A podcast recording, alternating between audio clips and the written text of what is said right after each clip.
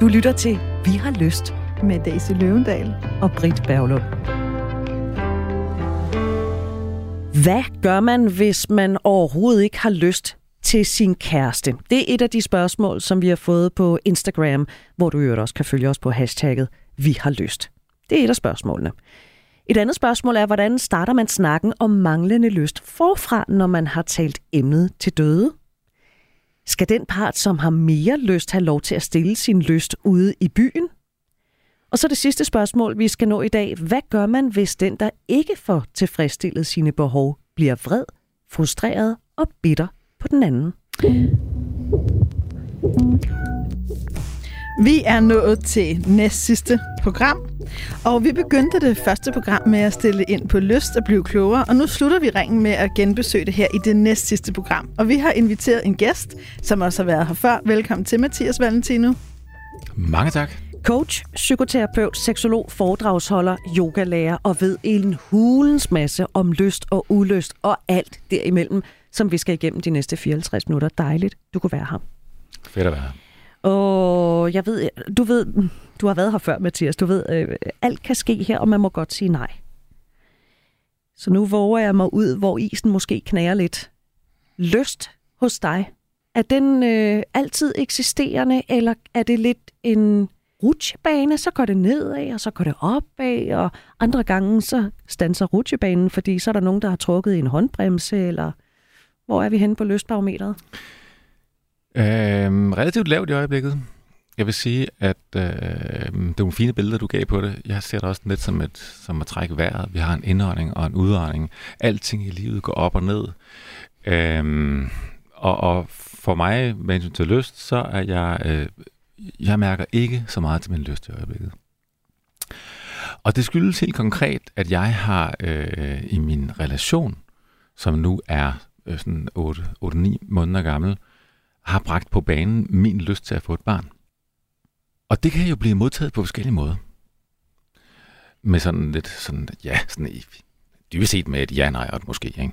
Men øh, øh, jeg har ramt ind i, at, at hun virkelig ikke er klar i øjeblikket. Hun er, er i ligesom starten af en karriere, øh, og tænker, jamen der skal der i hvert fald gå to år før, at, at hun gerne vil have et barn. Om, om, om ikke længere, om hun overhovedet vil have et barn. Så vores relation er mega udfordret i øjeblikket. Hun er monster udfordret på det med en baggrund øh, med rigtig svær, svær opvækst, har hun haft. Øh, så jeg forstår godt, at hun er udfordret på det. Og samtidig bliver jeg også udfordret tilbage på det. Hmm, skal, skal det så... Øh, skal jeg blive i relationen og, og tage det med ro og, og vente, om hun måske bliver parat? Eller er det super vigtigt for mig at, at blive far, mens tid er? Øh, jeg er i 50'erne, så derfor så øh, har jeg også en følelse af, at hmm, det, skal, det, det skal nok være snart, måske, hvis det skal være, hvis det skal være i det her liv, jo. Så hmm, så det er kort fortalt, hvad der sker i mit liv i øjeblikket. Og det påvirker min lyst, helt klart. Tusind tak for din ærlighed. Jeg er nødt til at sige det. Jeg bliver sådan meget rørt af det. Altså, jeg synes, det, jeg er lidt på røven over, at du øh, deler så øh, generøst ud af. Mathias, tak. Mm. Altså, vi har bare verdens sejeste gæster. Altså, det vil jeg bare, det vil jeg bare sige, og tak Mathias. Det, og det var også noget, det, jeg mødte dig jo første gang her i det her program, den der autenticitet. Øhm, og jeg er meget glad for det, du siger, både som menneske, men også, at der er en mand, der siger de her ting. Fordi jeg synes, det er sådan en myte, der er i vores samfund, at det kun er kvinder, der vil have børn. Og sådan er det jo ikke. Der er jo også mænd, der vil have børn. Og der er også mennesker, for hvem at det med at få et barn kan være meget ultimativt. Og kan være så stort et ønske. Og det udfordrer jo lidt... Øh, det udfordrer jo lidt myten om den eneste ene. Er jeg også din eneste ene, hvis jeg ikke vil have et barn, og du gerne vil, eller jeg vil bo i udlandet, og du ikke vil. Øhm, hvad tænker du om det med, når vi, som, når vi udfordrer? Hvad, hvad oplever du, der sker, når, når vi udfordrer den der myte om den eneste ene, og lige meget hvad er det os to?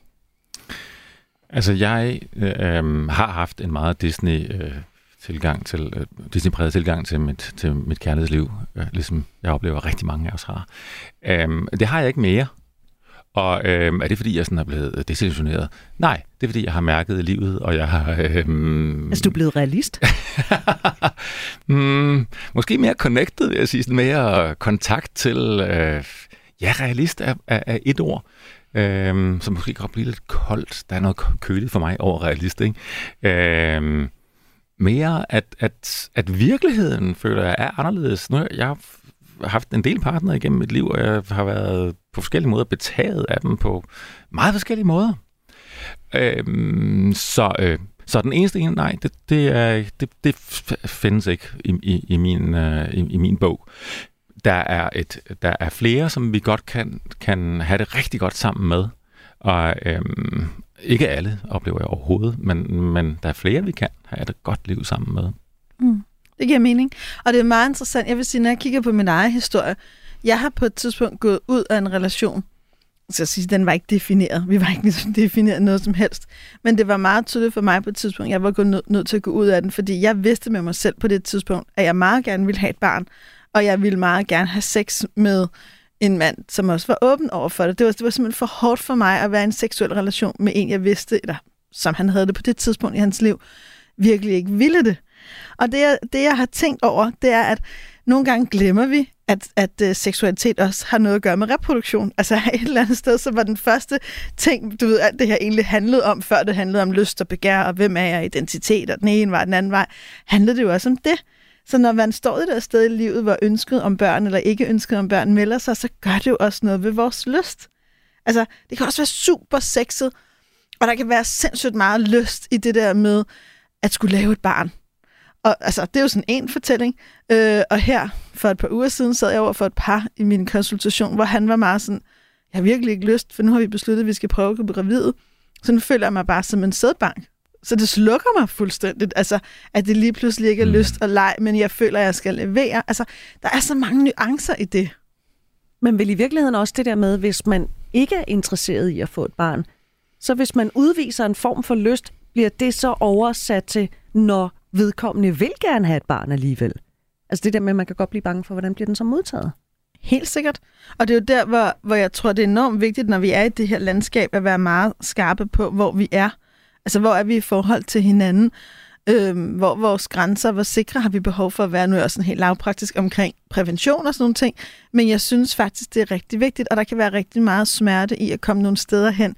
Det kan være rigtig, det kan være super dejligt at blive uplanlagt gravid, men det kan være også super smertefuldt at blive uønsket gravid, eller gøre en uønsket gravid. Altså, der, der er bare nogle ting der, hvor man skal passe rigtig godt på sig selv. Og det er jo noget af det, jeg også tænker på som drengemor. Nu er min søn ikke så gammel nu, men det der med, når han en dag bevæger sig ud i mandelivet, jeg håber ikke, han nogensinde står i en situation, og uønsket skulle være far. Fordi det kan, det kan være en livssmerte, nogle af de mænd, jeg kender, der er blevet uønsket fædre, og man kan det, det kan bringe så mange hårde ting med sig, lige så vel som det er et super reelt ønske, hvis man ønsker at være far og mor. Absolut. Og der kan jeg også, øh, øh, jeg har selv erfaring også med, at, at være, skulle have været far, der, hvor tidlig i en relation, hvor, hvor øh, min daværende partner blev gravid, og hvor vi, det var en måned inde i relationen, så, så hvem vi egentlig var hinanden, det, det, det, det var vi i hvert fald ikke sikre på det, på det tidspunkt. Så vi blev meget smertefuldt enige om, jamen, det må, det må blive en abort. Mm. Mega hårdt. Mega hårdt. For at vende tilbage til øh, lysten. Du har været meget ærlig, Mathias, sagt, øh, den er måske ikke lige på det højeste i øjeblikket. Og lad os da lige dræbe den myte med det samme, at mænd ikke altid har lyst det er i den grad en myte. Vi har lavet et par programmer om det, blandt andet et program med øh, Martin Østergaard og Katrine Axholm, der handler om, når mænd ikke har lyst. Og så et program, vi også lavede med Manu Serene et par uger før det, der handler om, at mænd ofte bliver fremstillet som sådan nogen, der altid har lyst. De kan altid lige få en fjavret på, og så har de da lyst til at hoppe en tur på, øh, på den, den første og den bedste. Gå ind i bagkataloget og find de der programmer, hvis øh, du vil vide mere om mænds, kan man sige, i parentes manglende lyst. Så hvor er du på lystbarometret, Britt, her for tiden? Nå, uh, pt. Jamen, ja. Now we're talking. Åh oh, gud, øh, det er meget nemmere at tale om fortiden, end det er at tale om øh, nutiden. Jamen, øh, jeg er øh, der, hvor at øh, jeg har da ret meget lyst. Altså, jeg har jo, jeg har jo mødt et, et, et, et mandligt bekendtskab, som jeg har lyst til at lære mere at kende. Så jeg har ret meget lyst. Nå, hvor dejligt. Ja, det er så lidt Godt. svært at få forløst den lyst, fordi der er en masse praktik, og han bor et st- stykke væk og har meget travlt i sit liv og alt sådan noget. Det gør mig mega frustreret. ja. Og der føler jeg mig bare sådan lidt, okay, prøv lige at slappe lige lidt af. Ikke? Men det kan virkelig øh, frustrere mig. Men det er jo også fordi, at jeg, du har tidligere sagt i en udsendelse, Daisy, at øh, din poptøsehjerne har fortalt dig, at hvis han ikke har lyst, så er det fordi, det er dig, den er galt med. Ja. Og det er jo den poptøsehjerne, jeg stadigvæk render rundt med i en alder af 49. har du hørt om den, Mathias? Den er ikke nogen alder, jo. Den har åbenbart ikke nogen alder. Nej. Men, men, øh, og så har jeg været i relationer, hvor jeg fuldstændig har mistet lysten, og hvor jeg ikke vidste, hvad jeg skulle gøre, og bare tænkte, nå, men så var det det, og så døde forholdet. Meget lidt konstruktivt, lad os sige det på den måde. Men jeg vidste ikke, hvad jeg skulle gøre. Jeg, jeg vidste ikke noget om det. Det er jo også svært, tænker jeg ikke. Hvad, det her med, at der skulle ligge noget, at være nysgerrig på, hvad det er, der ligger bag ved den der manglende lyst. Og hvordan kommer man tilbage til lysten? Jeg kendte ikke vejen. Altså, man bliver nødt til at, at, at tale med nogen for, for at finde ind til det, for de fleste hvis vedkommende. Ikke? Og det er jo øh, derfor, at der er sådan nogen, der går øh, til sådan nogle seksologer og parterapeuter, som os to, for eksempel. Ja. Daisy, men men hvor, hvor, øh, hvor mange der, hvor procentvis, hvor mange der går til en professionel for at få hjælp omkring det her. Har vi nogen tal på det egentlig? Nogle konkrete tal? Nej, Jeg, ved, altså, jeg har bare en det- klar følelse af, at det er meget lavt i forhold til, hvordan det står til derude. Ikke? Altså, altså, vi har ikke nogen klare tal på det. Øh, vi ved, at 92 procent mener jeg, at folk, der betaler for deres egen udvikling hos en privatpraktiserende psykolog, øh, gør det på grund af relationsudfordringer. Men hvad der så ligger i ordet relationsudfordringer, det, det, det skal jeg ikke kunne sige, og det, så vidt mig bekendt har man ikke lavet super meget forskning i at finde ud af det.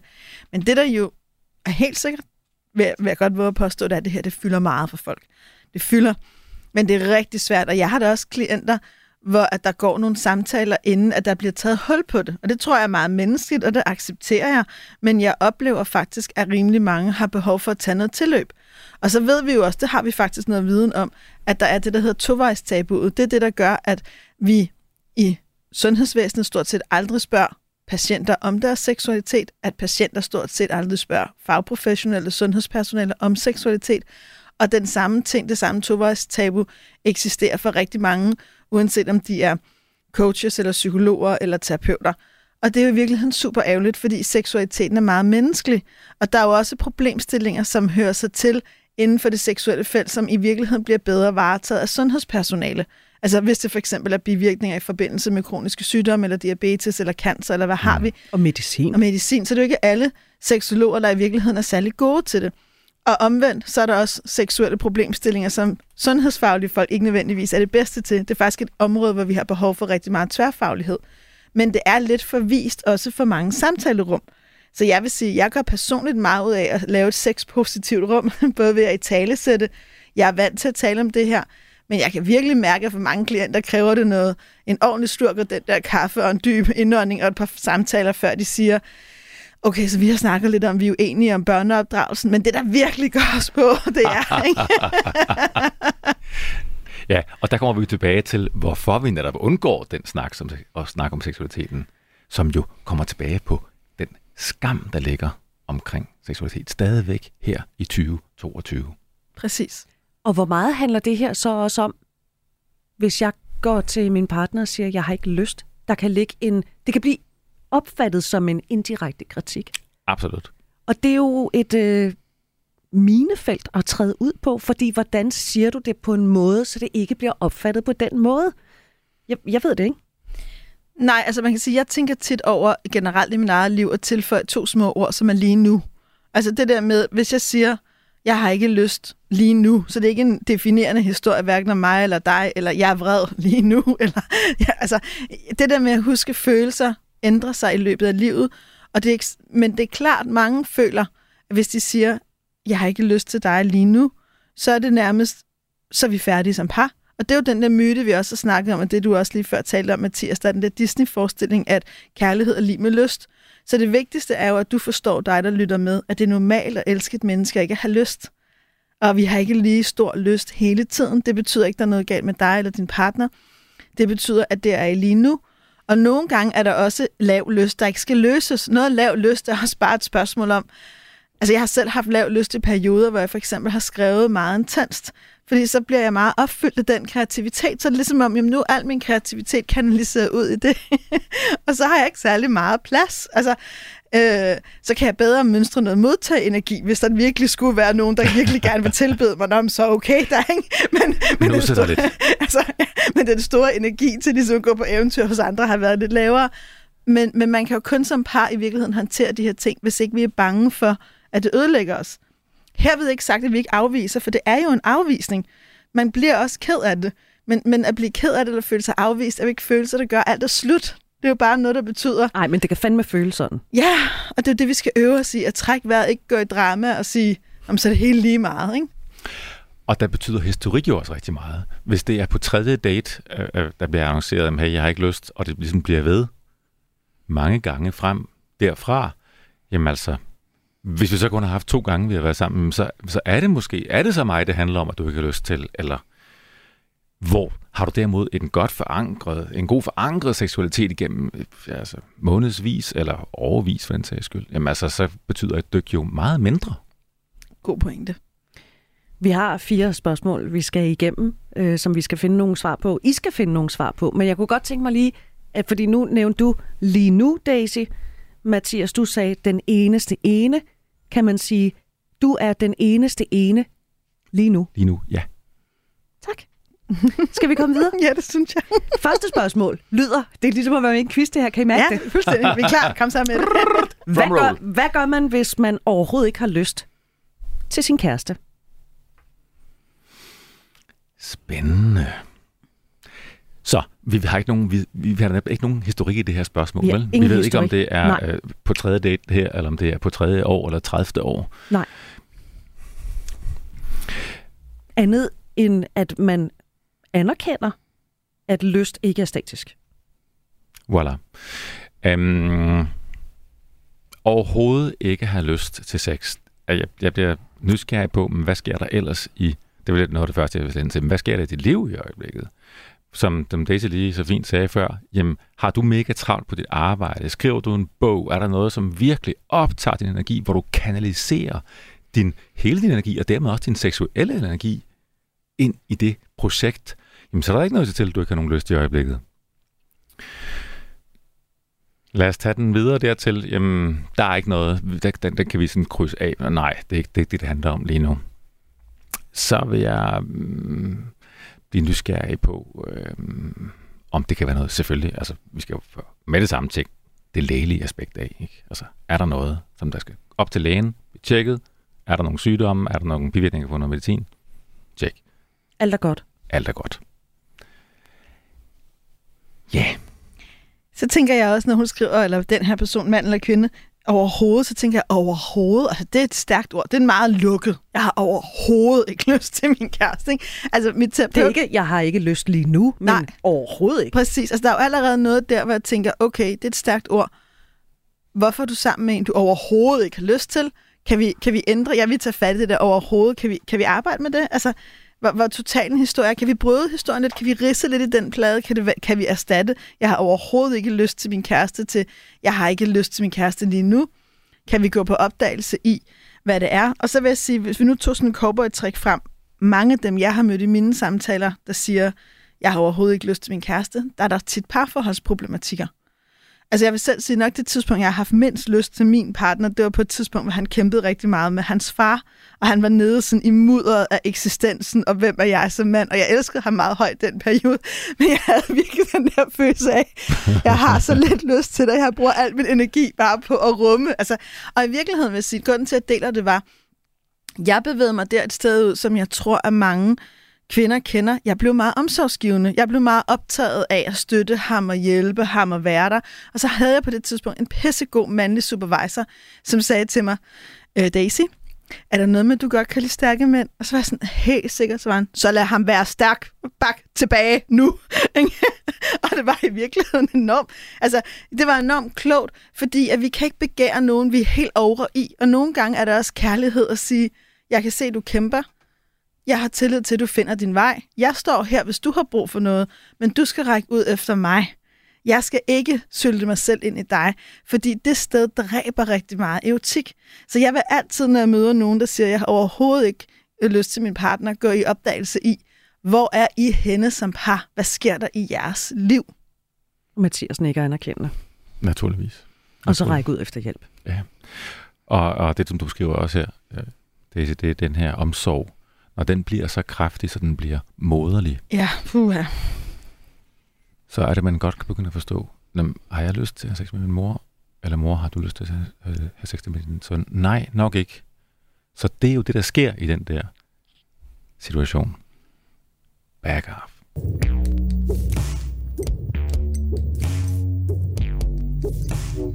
Du lytter til Vi har lyst. Vi taler om lyst, ulyst og alt derimellem. Vi har besøg af Mathias Valentino, der er coach, psykoterapeut, seksolog, foredragsholder og yogalærer.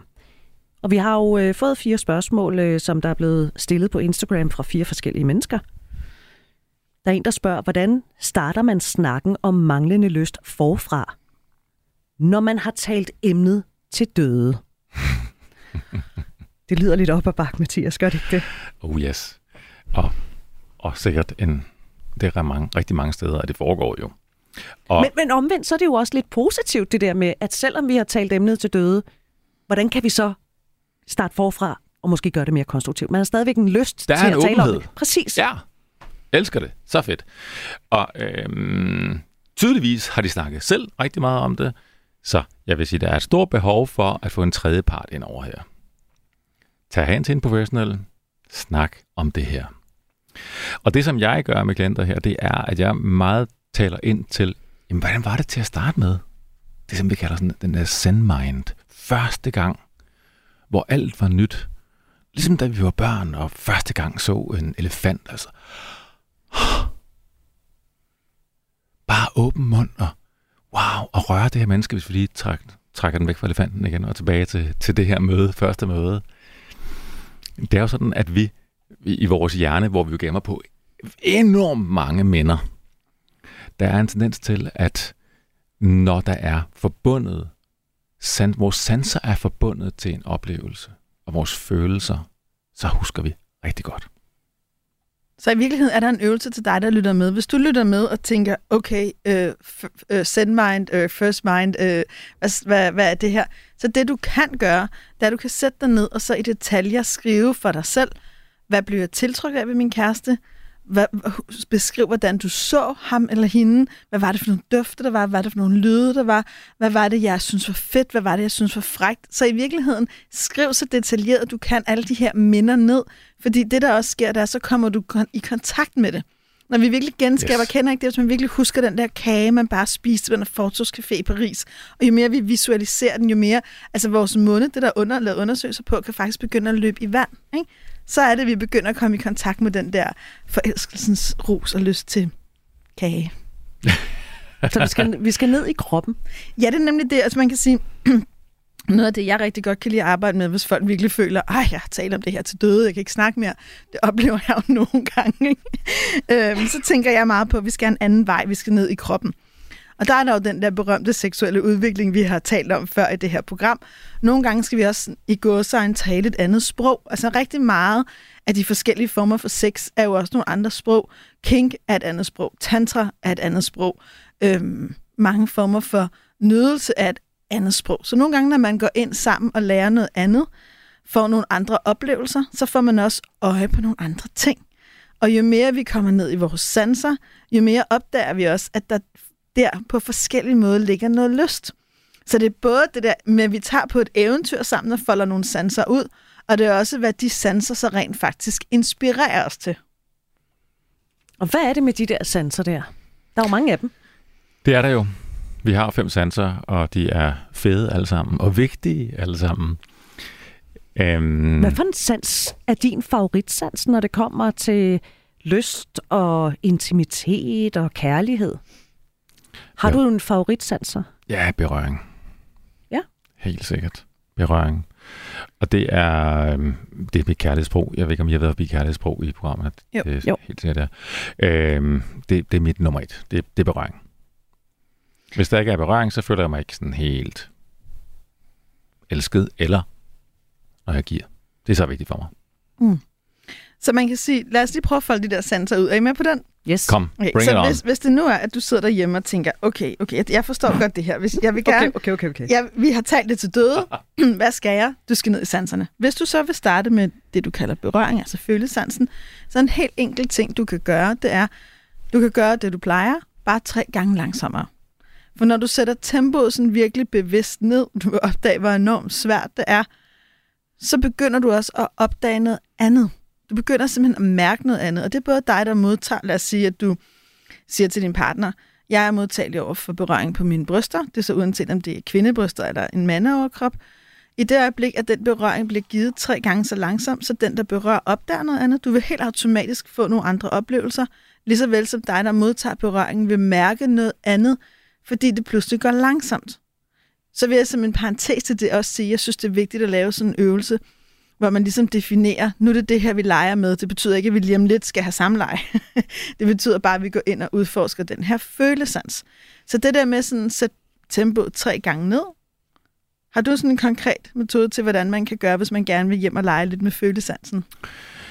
Øhm, jeg vil faktisk godt give en, en øvelse, som jeg selv har brugt rigtig meget. Fordi der er mange af os, som, som som man tænker, når men jeg rører, og så, og så det, føles, det føles sådan der. Det har jeg godt prøvet før. Øhm, det er ligesom sindet, der tager over sansen, i stedet for at åbne og oh, søde sind. Prøv lige at være stille et øjeblik, og så lad mig lige mærke, hvad der rent faktisk sker. Øhm, I en lang periode, så gjorde jeg det, at jeg med stor bevidsthed sådan rørte alt, hvad jeg kom forbi. Nu står jeg ved en bordplade her, og når jeg rører ved den bordplade, så kan jeg virkelig mærke den bordplade. Så jeg, om det er bare en bordplade, ja. Ja, nej. Prøv at give slip på det der, den der label, du har, dit sind sat på, at det her, du har lært, det hedder en bordplade, det der, ja, og dermed så har du ligesom koblet dine sanser fra. Prøv at gøre det. Koble tanken væk og rør den bordplade, ligesom du går forbi. Ej, det kan jeg simpelthen ikke lade være med lige nu. Nu står jeg bare og rager på den her bordplade. Jamen, prøv lige at mærke. Altså, Men du gør virkelig. det så blidt og poetisk, Britt. Du rager ikke på den. Du sådan helt, dine fingerspidser sådan glider hen over den. Jamen, fordi det, det giver sindssygt god mening, Kan det der med. det? Ja. Det virkelig, altså den hele, hele min krop er, kan jeg aktivere på no time ved at gøre det, fordi jeg har gjort det så meget, så, så min berøring, mine fingre er enormt følsomme. Shit, det er en lækker bordplade, det her. Præcis, præcis. Og det interessante er, når vi er i den her giverrolle, hvis vi tager den tilbage til, at nu skal jeg, øh, nu vil du gerne have rørt dine bryster eller brystkasse, afhængig af køn, så, øh, så, så opfatter vi det meget som, at der er en giver og en modtager. Og det er jo rart for modtageren, og giveren det er sådan lidt, åh, det der skal jeg til at give igen, det er også nederen. Men det er ikke det, der sker. Fordi når du virkelig mærker dine hænder og dine fingre, mm. fingerspidser, det er vanvittigt nydelsesfuldt at give på den måde. Helt vildt. Det gør noget helt andet i giverrollen. Altså, ikke?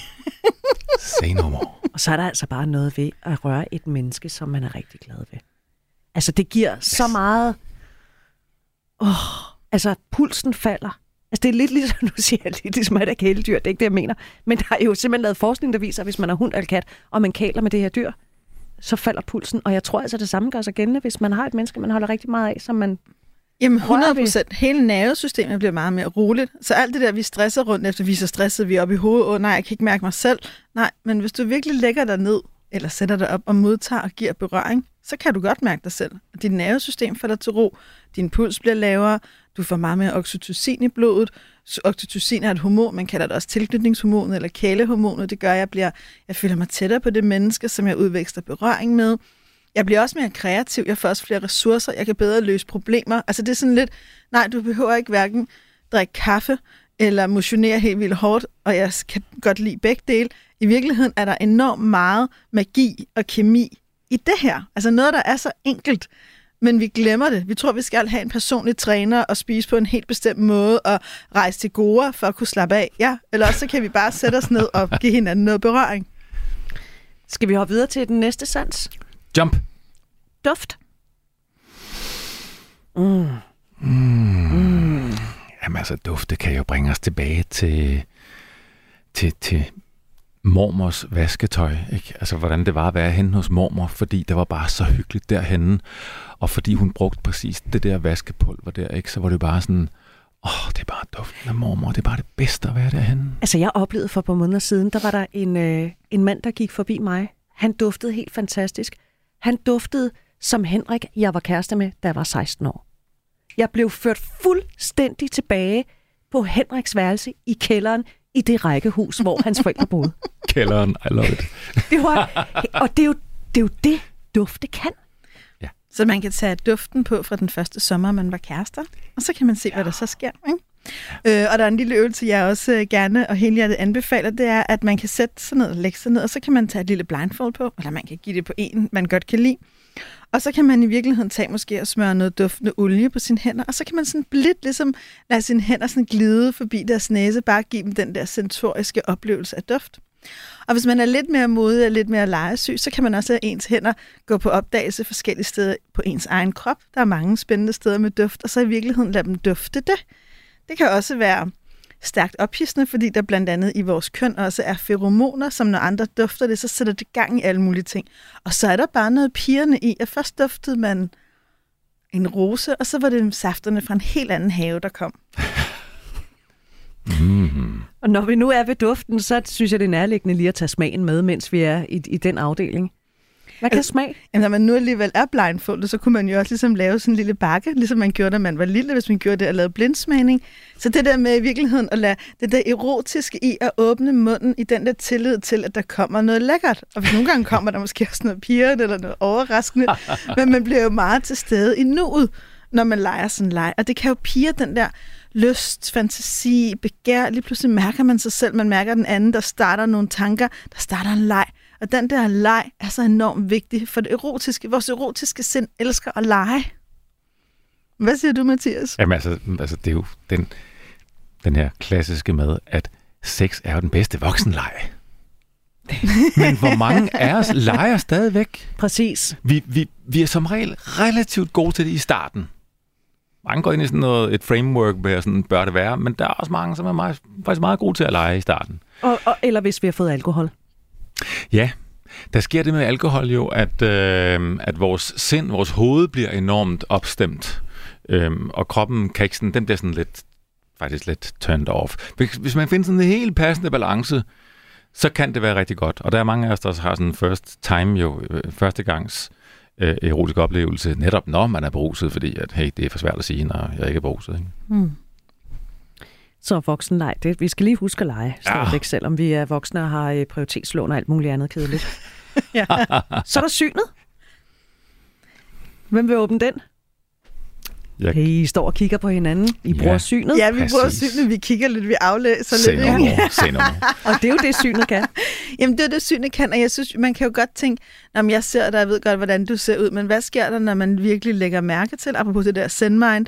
Og så vil jeg sige, man kan jo man kan, jo man kan fokusere sit syn ind på noget, man godt kan lide ved sin egen krop eller ens elskedes krop, og man kan i virkeligheden også give sig selv nogle visuelle oplevelser. Altså man kan jo i virkeligheden godt finde nogle måder, nogle stillinger, og i virkeligheden give sig selv lov til at se, hvad end man synes er fedt eller frægt eller pigerne. Der, og der kan være enormt meget leg i den der også. Okay, vil du gerne se mit køn? Det får du ikke lov til. Måske får du alligevel lov, og så lukker jeg lidt. Eller jeg viser lidt. Eller, altså, det, det er jo igen den der leg. Synet kan jo give enormt meget. Vi vil så gerne se. Altså, det er jo også det hele pornoen spiller på. Det er jo i virkeligheden ideen om at se. Der er det bare på en skærm, og det er distanceret. Der sker noget helt andet, når man leger den leg. Så nogle meget klassiske versioner af lejene med syn, det er jo også striptisen. Altså det er jo den der, og, og, og ja, der er jo hele tiden den der dimension af hjemmestripteasen, som måske er lidt mere kajtet, når man ikke lige er professionel, ikke? Men derfor kan der jo stadig være noget enormt smukt i den der, sæt dig tilbage, og lad mig vise dig noget, lad mig tage dig med på et eventyr. Og det er ikke fordi, man behøver at installere en polestang i uh, spisestuen. Det kan lige så vel bare være det der med at knappe lidt ned for en skjorte måske, som faktisk kan være enormt frægt. Og man kan jo også gøre det et sted, hvor det ikke er forventet. Det kan også give rigtig meget. Jeg vil lige nævne, at synsansen ja, er, er jo fed, og den er, det er jo vores dominerende sans. Og derfor er den det ofte i det seksuelle rum også. Nok jo også rigtig understøttet af, at porno er så udbredt, som det er.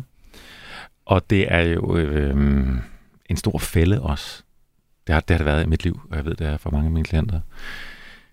Med altså pornoen? Ja, ja, og synshansen i det seksuelle rum også. At vi overfokuserer på den. At det skal, um, det skal, jeg skal lige se, hvordan, det, hvordan mit køn kører ind og ud. Ikke? Og det kan jo være lækkert. Men hvis det bliver det, der, det, der fylder for meget, vil jeg sige, så bliver, så bliver det sådan lidt, når man, øh, der kommer, der indtræder lidt sådan metaltræthed der også. For nu mm. har jeg jo set din krop. Altså, Ja. jeg, jeg bliver ikke overrasket mere. Præcis. Nej, det er jo tilbage til det nu, og så se det fra lidt mere den der first ting. Men så når vi er ved det, så er der jo så også lydene. Altså med lyde, der tænker jeg jo meget, der er selvfølgelig åndedrættet, der er stønnene, der er pusene, og det er noget af det, jeg ved øh, Talen. Fra, ta- talen, ja. Men nu var jeg mere over de der mere primale lyde, Britt, ikke? Altså, Oh. og apropos nogle af de programmer, hvor vi har talt om forældres øh, lave lyst, det er jo noget af det, der tit ryger i familielivet. Man er så bange for, at nogen skal høre en. Det, kan, det har selv hæmmet mig rigtig meget, efter jeg blev mor. Åh oh, nej, bare der ikke er nogen, der hører. Og det er virkelig ærgerligt, for i åndedrættet er der så enormt meget, der kan frigives. Der er så meget lyst i åndedrættet, og der er så mange mennesker, der bliver sygt opstemte af den der... Ah, altså, den er virkelig lyd af nogen, der nøder, den kan jo noget. Eller mm. er jeg alene med det? Hvad siger du, Mathias? Åh, oh, det er så vigtigt. Lyd er så vigtigt. Det er, øhm, når det er autentisk lyd, så er det så dragende og lækkert og stimulerende virkelig for, for partneren, men også for en selv. Ikke? Det, er- det er sådan, det er en dobbelt op lækker effekt at, lade, at, at være i kontakt med sin lyd. Men hvad nu, hvis man ikke har nogen lyd? Eller ens partner ikke har nogen lyd? Men alle mennesker har lyd. Altså, der Jo, find... men, men hvis man ikke har lyst til ligesom at bruge sin lyd, Nå, men så vil jeg sige, det er fint, du ikke umiddelbart har lyst til det. Prøv det, og så kan du fortælle mig, når du har prøvet det et par måneder, hvad Modtaget. det gav dig. Ikke? så hvis vi lige opsummerer, så vil jeg sige, vi kan tale os ud af følelsesmæssige blokeringer. Vi kan få styr på familiefejden. Vi kan komme tilbage i vores eget corner. Det er ikke altid nok til at have lyst. Så hvis du står et sted, hvor der ikke er noget, der decideret forhindrer lysten, det har I snakket om, og du stadigvæk føler, I ikke er tættere på, så begynd at lege med nogle af de her konkrete redskaber. Også dem, hvor du ligesom Britt siger nu, Nå jo, men jeg har jo ikke. Eller også har du. Du har ikke lige nu. Det kan du få. og så kan du lige få lidt inspiration, hvis du hopper ned i nogle af de mange udsendelser, vi har lavet. Så havde vi den øh, 2. august, der havde vi et brev fra Lasse, der fortalte, hvordan han havde taget sin kæreste igennem 23 år på en date, og øh, havde ligesom øh, sagt til hende, det her det er vores første date. Eller han har skrevet til hende, det her, vi leger, det er vores første date. Og der, det var noget, der hjalp på... Det må man sige. Og jeg siger ikke, at de ikke havde lyst, fordi det havde de garanteret. Men det er bare en lille sjov leg også. Det er også leg. vildt. Nå. Super kreativt. Meget kreativt. Skal den part, som har mere lyst, have lov til at få stillet sin lyst ude i byen? Hvad siger du, Mathias? Jeg siger, at det er der ikke noget klart svar på. Har du det, Daisy? Om for helvede, det er jo ikke til at arbejde med. Der er ikke noget klart ja eller nej der. Nej, jeg vil sige, jeg vil Det sige er også, meget individuelt. Altså jeg vil også sige, apropos, vi har jo også lavet programmer om det her. Non-monogami, det kræver rigtig meget. Uanset hvordan du, du vælger at lave det, så må du i hvert fald ikke tro, at det løser dit problem. Det er ikke et quick fix. Jeg vil nærmere sige, som Sars Skårup jo også siger, at du kan ikke løse noget med det. Det at have sex med andre end din partner, det kræver rigtig meget intimitet, kommunikation, forståelse for hinanden, empati, mod. Så hvis du er et sted i dit liv, hvor du mangler det, nej, så er det ikke løsningen. Hvis du er et sted i dit liv, hvor I har det, og måske gerne vil noget mere, go ahead. Det kan være rigtig, rigtig sjovt.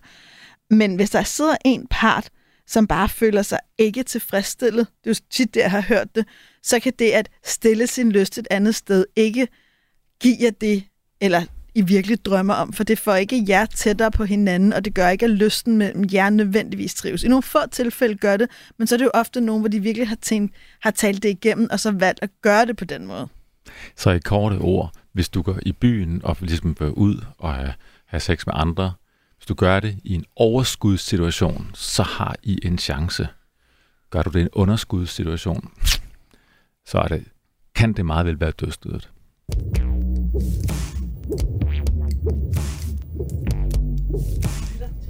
Hov, skal jeg lige tænde for den her? Du lytter til øh, Vi har lyst på Radio 4. Vi besøger Mathias Valentino, der er coach, psykoterapeut, seksolog og foredragsholder. Vi taler om lyst, ulyst og alt derimellem.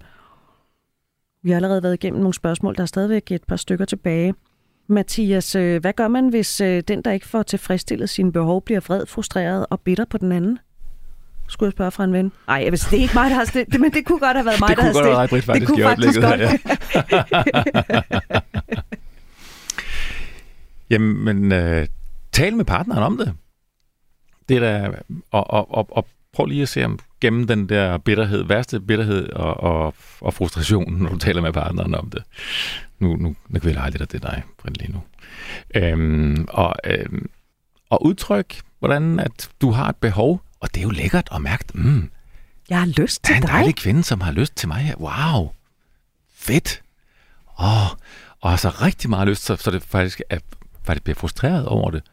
Det er jo en rigtig god start på det her, fordi det er sådan virkelig, mm, jeg er en dej, dejligt menneske, som du har lyst til.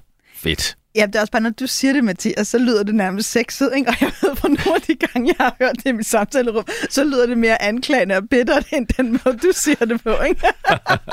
altså, så, så der er noget med energien, ikke? Om det ligesom er, ej, jeg har bare så meget lyst til det, jeg gerne vil have mere af det, og mere af dig, eller om det er, ja, altså jeg står jo her og har rigtig meget lyst, og det har du jo ikke, så det er din skyld, jeg har et pissekedeligt sexliv, ikke? Altså, det er jo, det er jo en lidt, Det er ikke en fed historie. Nej, det er ikke en fed historie. Og Den, der ved vi jo også, vi ved jo faktisk, at der er en, der hedder Consulat, der i 2014 lavede en undersøgelse, der hedder Together Apart. Og han prøvede at finde ud af, hvad er det, der sker med folk, der synes, de har god sex.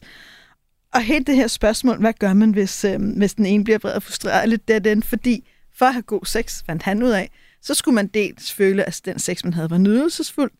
Man skulle også opleve, at man var heldig med sin partner, og have den følelse, at jeg er så heldig, jeg har dig.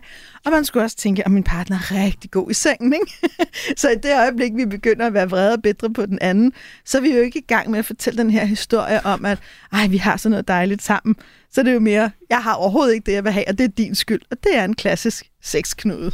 Og du siger, Mathias, it takes two to tango. Ja, og når du fokuserer på det, der ikke virker, jamen så vokser det, og når du fokuserer på det, der virker og er fedt, jamen så vokser det. Så det handler enormt meget om, hvordan vi framer tingene også. og tænker på dem. Ikke kun, at vi framer pænt. Det nytter ikke noget, at vi inde i vores hoved tænker, ja, hun er fucking også så frigid, eller han er så pissekedelig. Men man siger, når men jeg vil gerne. Altså, det er ikke kun tale. Det er også, hvordan vi rent faktisk tænker, for det Præcis. har en energi. Ja, og det er jo autenticitet igen, ikke? Præcis. Altså, er der sammenhæng, er der connection mellem det indre og det ydre, jamen så er det autentisk, og det, så kan man mærke jo energien. Åh, oh, men det er helt rigtigt, det der bliver sagt. Men der er jo forskning, der viser, at øh, kvinders lyst, den kan godt falde. Sådan en øh, to til syv år øh, efter man har mødt den partner, man nu engang er sammen med. Daisy, ved du, hvorfor det er sådan? Ja, det ved jeg faktisk ikke. Det er fordi, der er ikke rigtig nogen, der ved, for det har vi ikke forsket på. Et godt bud ville være det, man kalder det mental load. Man taler jo meget om, at rigtig mange kvinder føler det her kæmpe mental load. De er i direktørrollen, de skal sørge for børnene, de skal læse Aula, de skal koordinere, at familien stemmer også hans. De skal arrangere ferien, de skal tage sig af alle relationerne, og kvinder gør også på arbejde næsten lige så meget som mænd, og kvinder har i gennemsnit cirka 5 timers mere arbejde om ugen i hjemmet. Så midt i hele den der kæmpe, jeg skal være alt for alle fortælling, som vi også har snakket om. Kvinders skam er jo, hvis de føler, at de ikke kan være alt for alle. Der er der bare ikke plads til lyst. Der bliver det fuldstændig kvalt. Og det er også derfor, jeg synes, det er interessant at nærlæse, hvad den her forskning af Valin Jacobsen egentlig siger, fordi den siger, at kvinders lyst er faldende efter 2 til år til den aktuelle partner. For det fortæller jo også, ikke at lysten er faldende, ikke at kvinder ikke har lyst, men at i de livssituationer, mange kvinder ender i i det faste parforhold, der er livet bare ikke særlig fordrende for lysten. Men vi skal vel også som kvinder passe på, Mathias, at vi ikke indtager offerrollen, og så siger, det er også mig, der skal sørge for det hele, og være matriklens projektleder, og sørge for børnene, og i øvrigt, øh, jo jo, jeg kan godt bede ham om at, at vaske tøj, men så går jeg alligevel lige igennem, inden han putter tøjet i vaskemaskinen, om det nu også om en rigtig temperatur. Altså, skulle vi ikke bare lære at slappe lidt af, os kvinder? Absolut. Men det her, det er jo også det er jo, det er jo kompliceret, fordi at meget af det her foregår på et ubevidst plan. Det ligger meget i den kollektive programmering netop, at, at, at kvinder har den her rolle, og, og de skal stadigvæk have meget i hjemmet, selvom de nu er virkelig ude at arbejde hårdt. Så, så det er der, hvor den, den film, den kan knække let. I min optik handler det også, i også erfaring fra klienter, at der handler det om, at historien om, at mænd ofte er disconnected i deres seksuelle approach. Det her med, at det bliver meget køn i køn for mange mænd. Ikke alle absolut, men mange mænd. Og det kan kvinder i vid udstrækning til at starte med godt se, "Nå, nå, okay, jamen, det går jo fint, og han er en skøn mand. Og så det bliver sådan en udskudt. Vi, vi udskyder det her, men når det står på længe nok, og når vi taler om to år, så er det altså stået på et stykke tid, og så er det, at den begynder at bakke, hmm, det er faktisk ikke så fedt, fordi jeg føler mig ikke rigtig set. Jeg kan ikke rigtig mærke min mand, når jeg har sex sammen med ham, fordi han er måske meget fokuseret på, hvordan jeg ser ud, for at vende tilbage til den her fælde omkring synssansen. Der skal mere end den tælling. Ja, så efter to til syv år, så er den der første forelskelse jo den grad også væk. Så hvis ikke Ja. vi har formået at lave et erotisk parforhold med plads til, både at jeg kan være mig selv, og du kan være dig, og vi kan være os, og vi kan have det, jamen, så, så det ikke, altså, Og vi er stadigvæk kærester. ja, præcis. Og hvis ikke vi har formået at lave den energi imellem os og det liv, så, så, er der ikke, så, så hvorfor skulle jeg så gøre det? Altså, særligt også, hvis det er jo sådan en helt kæphest, jeg har, mange kvinder ikke, oplever ikke nødvendigvis den sex, de får som særlig nydelsesfuld, og der tror jeg, at de hurtigere sætter grænsen, end mænd gør. Jeg tror, at mænd er mindre vant til at skulle eje deres nydelse, så de går nemmere på kompromis og siger, at i det mindste har vi sex. Hvor hvis, hvis den sex, kvinder bliver tilbudt, bare ikke er særlig spændende, eller lækker, eller nydelsesfuld, så bliver det sådan lidt, ej, jeg vil sgu hellere løbe en tur. Når vi får vores udløsning, så er vi meget ofte, mange af os, men vi er, vi er tilfredse, så er det fint nok. Og det er ikke altid nok for kvinder. Og nu generaliserer vi helt vildt. Ja, ja, Helt- selvfølgelig. helt ja, ja, ja, og, det, og det gør vi jo, øh, fordi det er sådan, der. Det var de fire spørgsmål. Så tænker jeg, nå, er vi allerede færdige? Nej, det er vi ikke. Vi har stadigvæk øh, 9 minutter tilbage. Men der er bonuskommentarer. Der er en øh, lytter, der har skrevet i et brev, dejligt, I tager et emne op, som virkelig virker som et tabu. Det ikke at have lyst til sex, skråstrej erotik, og endnu værre, mænds manglende lyst til sex og erotik. Kæmpe tabu, eller hvad, Mathias? Mænds manglende lyst. Absolut. Og igen, det ligger i den, i den kollektive programmering, den som vi har med os fra vores kultur, øh, med at om altså, mænd er altid stærkere og græder ikke, og så har de, altså, vi har virkelig altid sexlyst.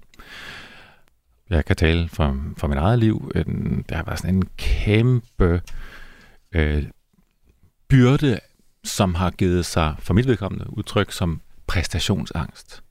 Fordi jeg skulle jo levere Det blev forventet. Simpelthen. Og den her, hvis den erektion ikke var her øhm, til stede, så, så, så var der jo noget galt. Og det gjorde det jo endnu sværere for mig at, at, at, at være til stede. Og, og, og konsekvensen var jo ofte, at jeg ikke, at erektionen den udeblev. Og hvis jeg med min partner mærkede, at, øh, at det var okay, jamen så kom den i løbet af kort tid. Fordi så var, hvis jeg følte, at jeg var elsket, og mm, så var det okay. Men hvis jeg mærkede sådan lidt, ah, det er måske ikke helt okay det her, så udblev den. Ja, jeg, jeg kan sagt, ja, det giver super god mening. Jeg vil også sige noget af det, jeg har oplevet, mange mænd har sagt til mig i samtalerummets fortrolighed, og de tårer, der nogle gange er blevet grædt fra et meget sårbart sted, har været, når de har i tale sat, jeg føler mig ikke elsket. Jeg føler mig ikke værdsat. Jeg føler mig ikke set. Jeg føler mig ikke vild. Og rigtig mange mænds sprog for erotik er i virkeligheden, eller sprog for kærlighed, er meget det seksuelle, for det er det, mange mænd har lært. Så hvis de så lige pludselig ikke får den sex, eller deres partner ikke har lyst til dem, så kan det give en følelse af ikke at være elsket. Og mange af dem føler sig bare heller ikke særlig værdsat. Der er mange mænd derude, der i virkeligheden går og føler, jeg prøver, jeg tager en for holdet, jeg går den ekstra mil, jeg får den der bil vasket, jeg betaler den der ekstra elregning, jeg prøver virkelig at være god på arbejdet og også hente børnene, men det er ikke nok. Altså, der er mange mænd, der kæmper med en følelse af at være utilstrækkelig, og det sætter sig både i deres hjerte og i deres køn. Så der er rigtig meget tabu der, hvor, hvor mænd også har behov for at få lov til at stå ved deres følelser og udtrykke dem. Og der er rigtig mange kvinder desværre, som når mænd udtrykker det, så ser de det ikke som sårbarhed, men svaghed. Og så får de lyst til at sige, tag dig sammen, fordi det kan godt være prinsen på den hvide hest, at vi gerne vil have, at han skal være sårbar, men vi er ikke altid særlig hjælpsomme, når han falder af den der hvide hest. Og når du så siger kærlighed, så skriver samme lytter faktisk også, det er vigtigt at tale om, at det ikke handler om graden af kærlighed. At graden af kærlighed og graden af sex ikke er ligefrem proportional. Og du nikker, Mathias? Ja, det behøver den jo ikke at være. Fordi- sige det? det Fordi vi er den. mennesker. Ja, simpelthen. Og der er nogle mennesker, som har et, altså helt, når vi taler om, at sexlysten den går op og ned i løbet af et liv, og, øhm, så må vi også i samme åndedrag sige, at der er nogle mennesker, som har et meget stærkt sex drive, og nogle, der har et mindre. Vi har forskellige behov, og sådan er det jo. Og det er klart, at hvis man er sammen med en partner igennem lang tid, hvor man har et skævt, hvor, hvor den ene har et meget højt sex drive, og den anden har et meget lavt, jamen det vil skabe nogle konflikter, og der vil i hvert fald være brug for at, at få talt nogle ting igennem. Helt sikkert. Og jeg kan ikke lade være med også at tænke, når vi snakker om det, at der er jo også en forskellig værdi på sex. Altså der er nogle, for nogle mennesker er det super vigtigt, og de synes bare, det er spændende, det er fedt, det er udviklende at have en kæmpe stor bid. Og andre mennesker, og nu skal det ikke lyde forkert, men vil hellere noget andet. Jeg kender også par både i mit private liv og for mine samtaler, som er sådan lidt, nej, vi har ikke særlig meget sex. Men det er fint nok. Men det er fint nok, fordi ja. vi elsker at øh, samle rødvin. Jeg kender et par, de er super søde. De kører alle mulige steder rundt i Frankrig og køber den rigtige rødvin, og så bruger de hele vinteren på at nyde den og snakker. Og det er jo dejligt. Altså, sex er jo ikke noget, alle går lige meget op i, altså, som nogen gør. Ikke? Altså. Daisy. og det er jo vigtigt. Det er jo vigtigt at give plads til det. Ikke? så, hvis, hvis vi her på falderæbet, fordi vi har kun fire minutter tilbage, uh. skal sådan, uh, konkretisere det lidt. Lyst handler om at opleve noget lækkert. Helt enig, det handler om nydelse.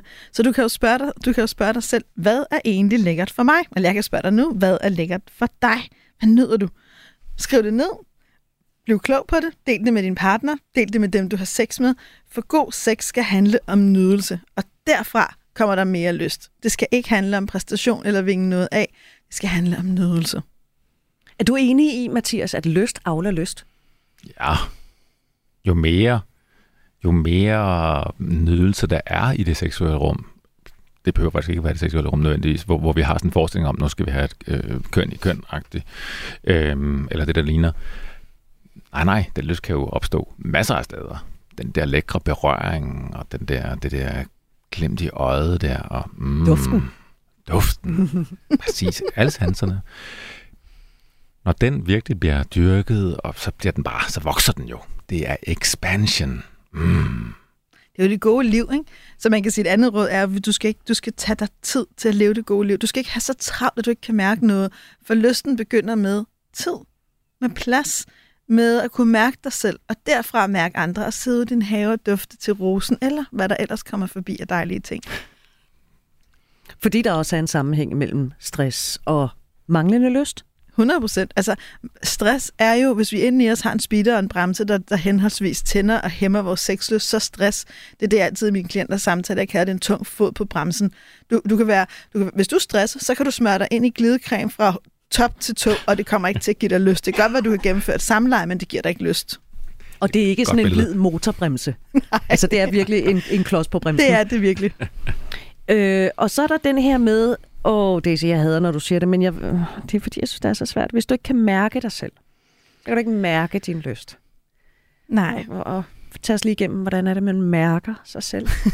Nå, og, det, og det, jeg kan godt mærke, der kunne jeg godt mærke, nej, jeg kunne godt selv høre, at jeg holdt det lidt ud i sådan en ironisk distance. Ja. Det var faktisk ikke meningen. Nej, nej, men det ved jeg. Men fordi og det, det er skidesvært, det der med at mærke sig selv. Jamen nu, Mathias er jo yogalærer. Hvad tænker du? Jeg ved, du oh, også arbejder ja, så... meget med at hjælpe folk til at mærke sig selv. Ja, Øhm, øh, jeg taler en del ind til på yogaklasserne, at det her det er ikke en, en, øh, en ass-attack-time. Øhm, det handler ikke om, at eksempelvis i en lidt svedig yogaklasse kan man have en planke, som man skal holde i et minut. Det gør man meget ofte på mine klasser.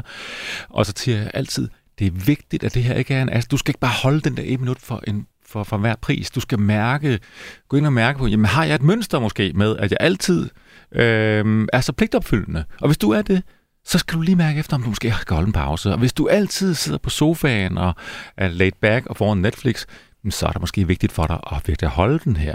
Det er et, en ting at mærke ind til et mønster. Eller er jeg sådan en som mig, der hurtigt giver op? Ja. Efter 20 sekunders planke, så... Lige præcis. Så skal, så skal du gøre ekstra meget ud og sige, åh, jeg kan godt det her. Mm. Nå, præcis, fordi det manifesterer sig jo i mange øh, aspekter i ens liv, om man er en quitter. Lige, lige præcis. Nu siger jeg quitter, det er så negativt, men ja, man kan godt arbejde lidt på. Altså, helt lavpraktisk, så ved du jo, og det er der mange, der har lyttet til programmet, ved, at jeg godt kan lide at stå tidligt op. Og en af grundene til at gøre det er også, at det tidlige morgengry, hvor ingen vil mig noget, mærker jeg faktisk meget godt mig selv. Og jeg er et menneske, der nemt bliver så begejstret og involveret, at hvis ikke jeg bevidst tager mig tid, så ender jeg med at drukne. Så det der med for mig, helt basic, stå og glo lidt ud af vinduet, eller drikke en kop te meget langsomt, eller sætte mig ned og lige mærke ind i min krop, er jeg øm et sted, er jeg glad et sted, er der noget, der, nogle følelser, der blokerer, nogle følelser, der flyder. Lige have den der stillhed. Det, det er et rigtig godt sted at begynde. Og dybe vejrtrækninger. Vi skal lære at trække vejret. Og mærke de dybe vejrtrækninger. Mathias Valentino, coach, psykoterapeut, seksolog, som du sagde, yogalærer og også foredragsholder. Tak for besøget. Nu har vi talt om lyst og uløst og alt det der indimellem, men så er der jo det der med at have lyst og ikke kunne få den stillet. Det kan du høre mere om på tirsdag, når vi har lyst til mere lander i dit podcast feed. En mand på 26 har nemlig skrevet til os, at han faktisk føler, at han var lykkeligere, før han havde sin seksuelle debut. For dengang, der anede han ikke, hvad han gik glip af. Vi har lyst blev produceret for Radio 4 af Only Human Media.